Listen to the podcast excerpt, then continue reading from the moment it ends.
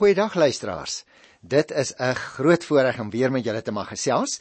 Ons is nog steeds met die evangelie van Lukas besig en die uh, vierde groot afdeling wat ons tans behandel, handel oor die bediening van die Here Jesus in Galilea.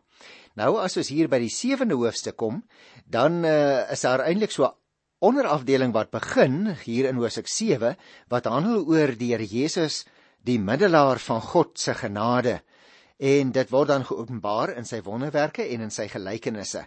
Nou voordat ek met hoofstuk 7 begin, wil ek miskien net enkele inleidende opmerkings maak, want jy sien in die volgende klompie paragrawe beskryf Lukas die optrede van die Here Jesus as die middelaar van God se genade. En dit kom veral na vore in die wonderwerke wat hy doen en natuurlik die gelykenisse wat hy vertel. Ons het altyd onthou die Here Jesus se prediking en sy wonders lei al meer tot 'n besliste keuse wat mense uiteindelik moet maak.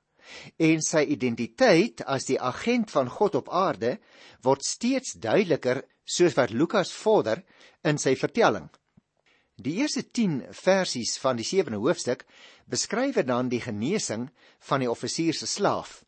Miskien net daaroor 'n algemene opmerking. Die offisier van wie ons nou nog gaan lees, was natuurlik 'n heiden. Waarskynlik het hy uit Sirië gekom En daarom gaan hy nie direk na die Here Jesus toe nie. Ons gaan dit nou-nou lees. Die Jode aan die ander kant het ook geglo dat hulle onrein sou wees deur gemeenskap met die heidene. En daarom is die familiehoofde tussengangers wat onmiddellik bereid was om te help. Uit die woorde van die familiehoofde wat uh, hulle aan die Here Jesus rig in die 4de vers sal ons kan aflei dat die offisier behoort het tot die sogenaamde godvreesendes. Nou goed, kom ons begin dan sommer dadelik met die eerste 2 verse van Lukas 7. Nadat Jesus die gehoor klaar toegespreek het, het hy na Kapernaum toe teruggegaan. Offisier daar het 'n slaaf gehad wat vir hom baie werd was, en die slaaf was siek en het op sterwe gelê. Luisteraars, hierdie Romeinse offisier het 100 manskappe onder hom gehad. Hy het nie as 'n laaste uitweg na die Here Jesus toe gegaan of omdat hy hom as 'n towenaar beskou het nie. Nee, hierdie Romeinse offisier het na die Here Jesus toe gegaan omdat hy waarlik geglo het dat Jesus iemand besonders is wat in die naam van God optree. Dit wil vir ons voorkom uit wat hier gebeur asof hy geweet het dat God deur die Jode met mense praat, want hy skenk geld vir die bou van 'n sinagoge. Nou kom ons lees verder hier by vers 3.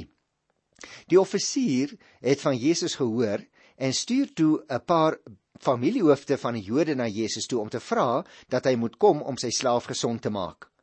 Toe hulle by Jesus kom, het hulle ernstig by hom daarop aangedring en gesê: "Hy is dit werd dat u dit vir hom doen, want hy het ons volk lief en op eie koste die sinagoge vir ons gebou." So jy sien hierdie Romeinse offisier het 'n baie oop hand gehad. Die vraag is nou, hoekom het hierdie offisier familiehoofde na Jesus toe gestuur en hoekom het hy nie sommer self direk na hom toe gegaan nie? Nou, ons weet nie regtig nie. Dalk wou hy nie inbreuk maak op die geleentheid waar so baie Jode byeen was nie. Omdat hy natuurlik goed geweet het hoe diep hulle haat vir die Romeine was.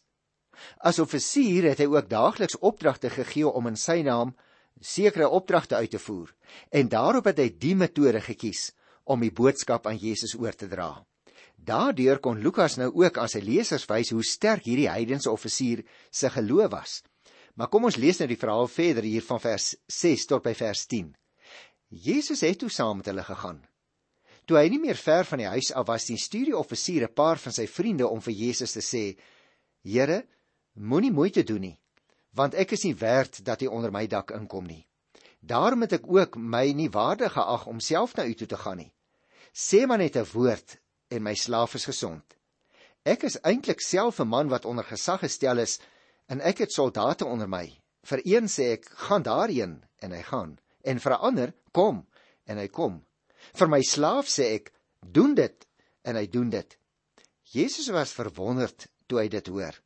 Hy draai toe om na die mense wat agter hom aangekom het en sê ek sê vir julle in Israel het ek nie so 'n groot geloof teëgekom nie. En toe die mense wat gestuur was weer by die huis kom, kry hulle die slaaf daar heeltemal gesond.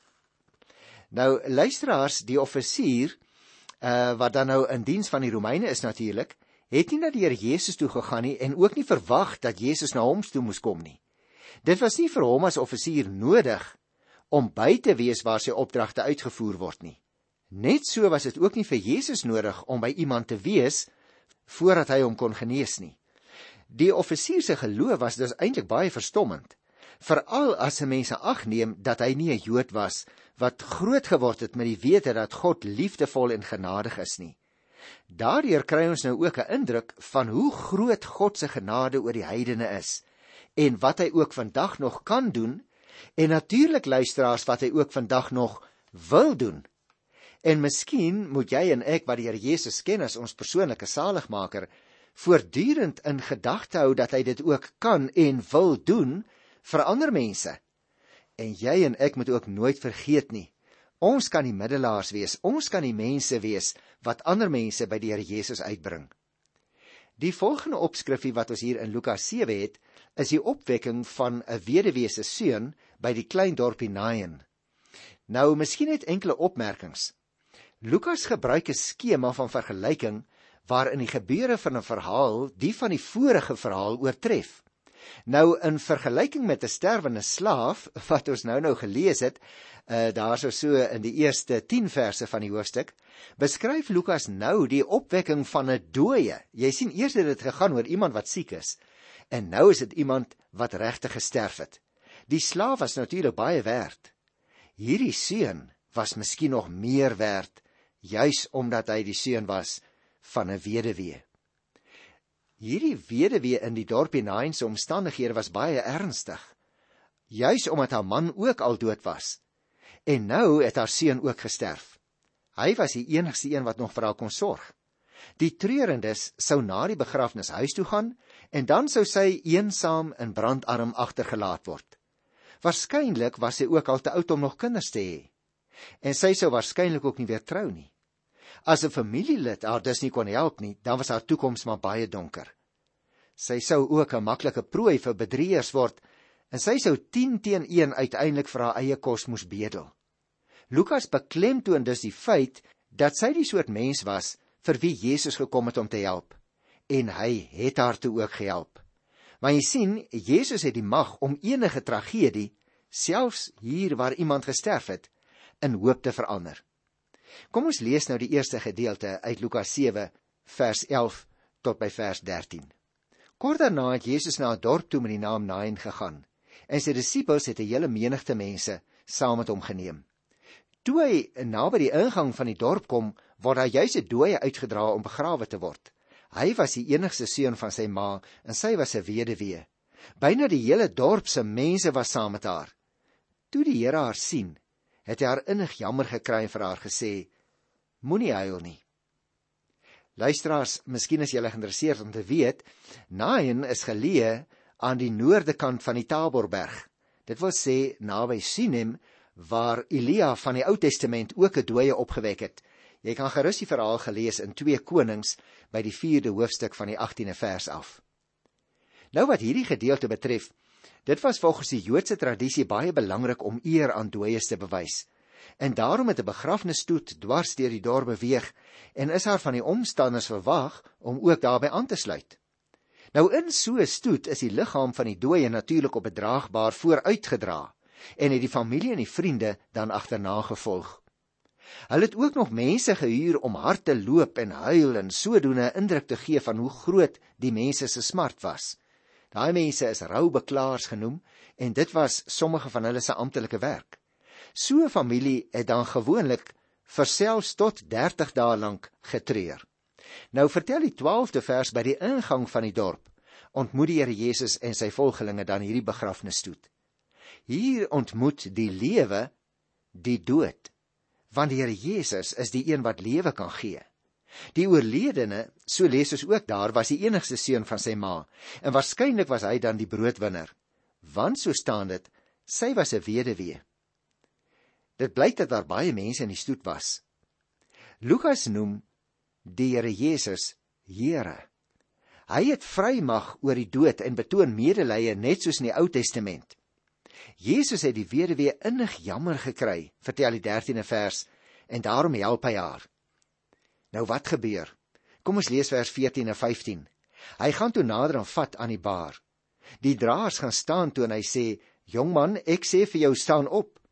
Die dooie het regop gaan sit en begin praat. En Jesus het hom aan sy ma teruggegee.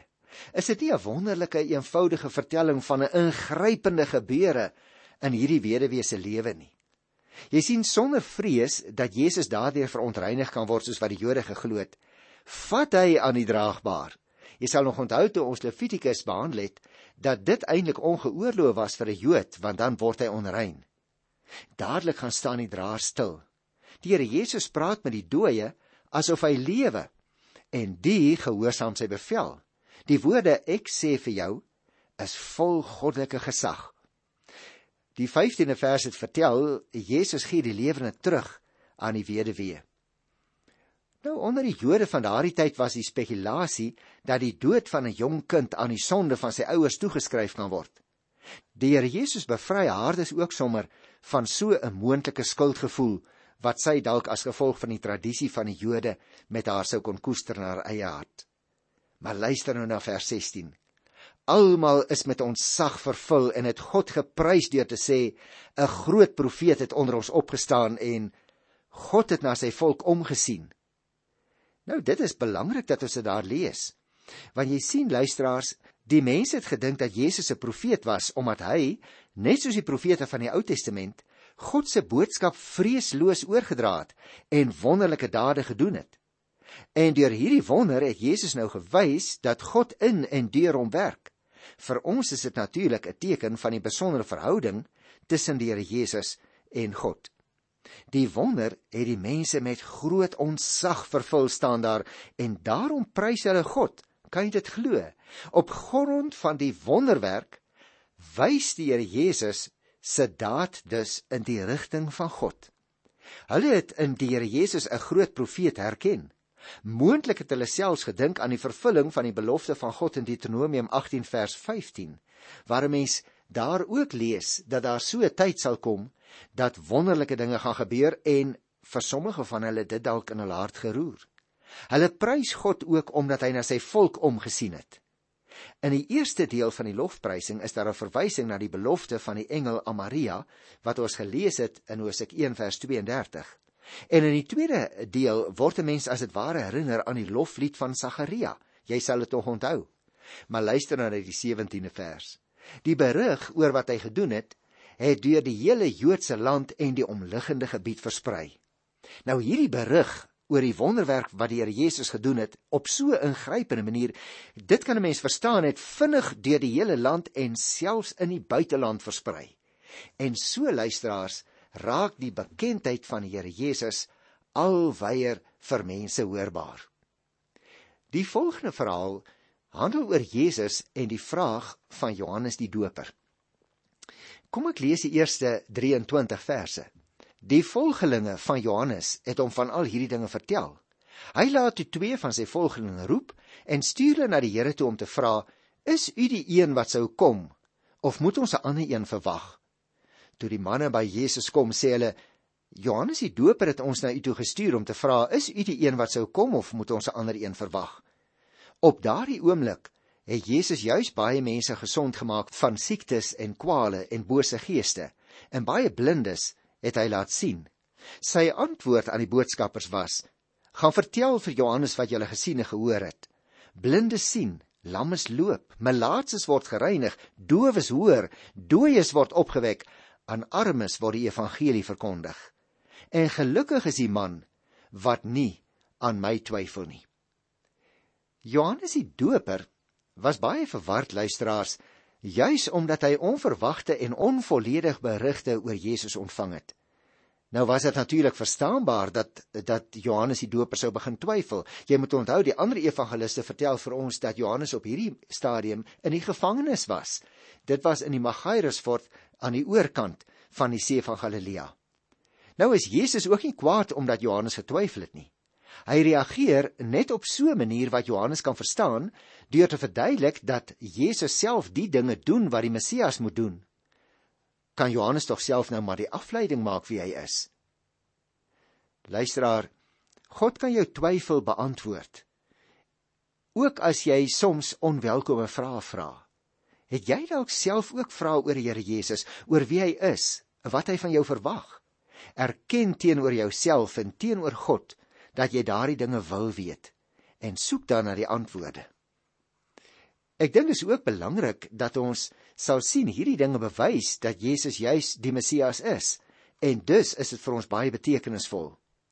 Ons lees hier van sigbare dade, nie net van teorieë nie, hoor. Die Here Jesus se tydgenote het gesien wat hy doen en hy hulle het dit later neergeskrywe sodat ons dit vandag nog kan lees. Die profete het gesê dat die Messias hierdie dinge sou doen. Dink nou maar aan Jesaja 35. Hierdie bewyse het Johannes in staat gestel om sonder twyfel te weet wie die Here Jesus was. En dit kan ook alle twyfel in jou en in my eie gemoed uitwis. Hier van vers 24 af lees ons: Nadat die boodskappers van Johannes vertrek het, het Jesus met die mense oor Johannes begin praat en gesê: "Waarna het julle in die woestyn gaan kyk? Na riet wat deur die wind heen en weer gewaai word? Nee. Maar wat het julle na uitgegaan om te sien? 'n Man met deftige klere aan?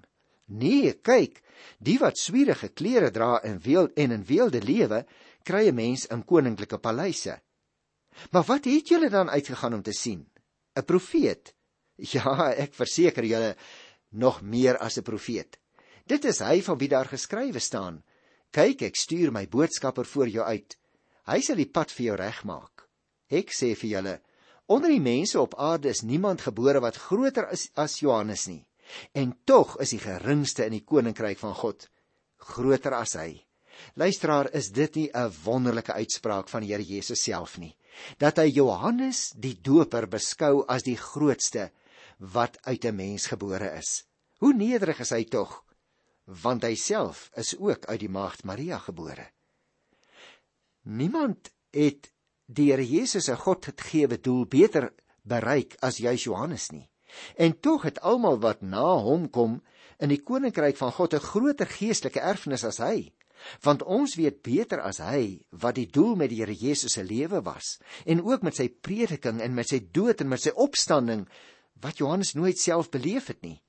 Johannes was naamlik die laaste van die Ou Testamentiese profete, die laaste om die weg vir die messiaanse bedeling voor te berei.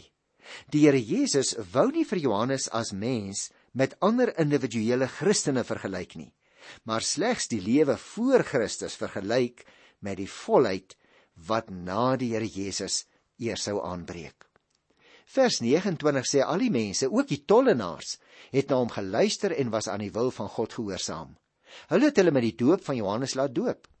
Net die Fariseërs en die wetgeleerdes het die bedoeling van God verwerp en hulle nie deur Johannes laat doop nie. Nou dis interessant dat ons dit hier lees. Want die sondaars het Johannes se woorde gehoor en berou oor hulle sonde gehad. Maar in teenstelling met hulle nou, het die Fariseërs en die wetgeleerdes die Here Jesus se boodskap heeltemal verwerp. Hulle wou volgens hulle eie voorskrifte lewe en daarom was hulle nie bereid om na enige iemand anders te luister nie. Luisteraar, moenie probeer om jou eie planne op God af te dwing nie, maar probeer liewer uitvind wat sy plan vir jou is, ook in elke spesifieke situasie. En nou neem Lukas se vertelling 'n nuwe wending hier by vers 31. Verder het Jesus gesê: "Waarmee sal ek die mense van hierdie geslag vergelyk? Soos wie is hulle? Hulle is net soos kinders wat op die markplein sit en vir mekaar roep: Ons het vir julle op die fluit gespeel en julle het nie gedans nie. Ons het 'n treurlied gesing en julle het nie gehuil nie. Johannes die Doper het gekom en nie brood geëet en wyn gedrink nie en julle sê Hy is van die duiwel besete. Die seun van die mens het gekom. Hy het geëet en gedrink en julle sê, "Kyk, daar's 'n vraat en 'n wynsuiper, 'n vriend van tollenaars en sondaars." Maar God tree met wysheid op en sy werke bewys dit. Nou hier het ons 'n baie belangrike verhaaltjie wat die Here Jesus vir sy omstanders vertel om hulle te laat verstaan wie hy werklik is, maar dat die mense hom nie wil aanvaar soos en as wie hy gekom het nie. Die Here Jesus het hard met hierdie geestelike leiers van sy tyd gepraat, want hulle het geglo dat hulle die enigste was wat God se waarheid geken het. Jesus het egter volgens die volgende maatstawwe gelewe. Kom ek noem vir jou vier daarvan. 1.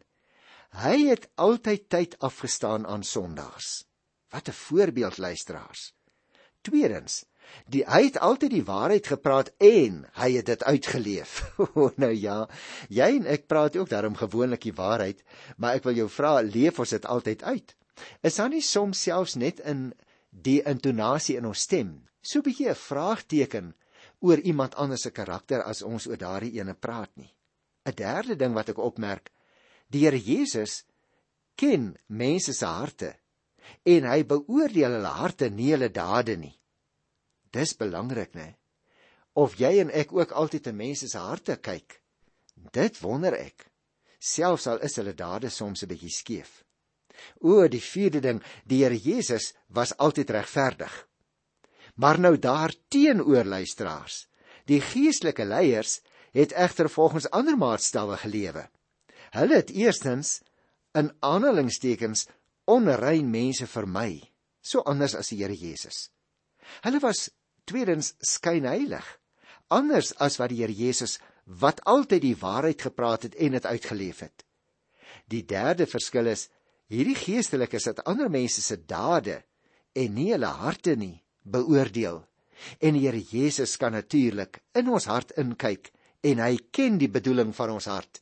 Jy onthou dat Paulus ook daarvan skryf in die boek Romeine. Die Heilige Gees dra die bedoeling van ons harte voor in die troonsaal van God.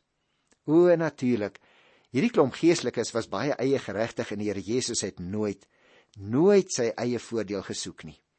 Die 35ste vers wat ek gelees het, is tog my baie interessant, maar God tree met wysheid op en sy werke bewys dit. Luisteraars, hierdie vers moet verstaan word in die lig van 'n vorige gedeelte wat ons al gelees het, daar by vers 29, wat dui op God wie se heilsplan as reg bewys word deur diegene wat gewillig was om na Johannes en natuurlik na die Here Jesus te luister. Jy sien, alhoewel God se wyse heilsplan deur baie as dwaasheid verwerp is, is dit tog waar bewys deur diegene wat dit aanvaar het. Die kinders van wie die Here Jesus hier die storieetjie vertel en waarvan sprake is in sy vertelling, is diegene wat God se heilsplan aanvaar het en God se wysheid in die werk van Jesus en van Johannes erken het. Is dit met jou so dat jy regtig glo en aanvaar wat in die Bybel staan? Gelukkig is jy broer en suster, want die Bybel is die geïnspireerde woord van God wat vir ons vertel wie die Here Jesus werklik is. En op hierdie pragtige hoë noot moet ons ongelukkig ons program afsluit vir vandag en so die Here wil praat ons dan volgende keer verder. Tot dan groet ek jou in die wonderlike wonderlike naam van Jesus Christus, die enigste Here. Tot dan. Totsiens.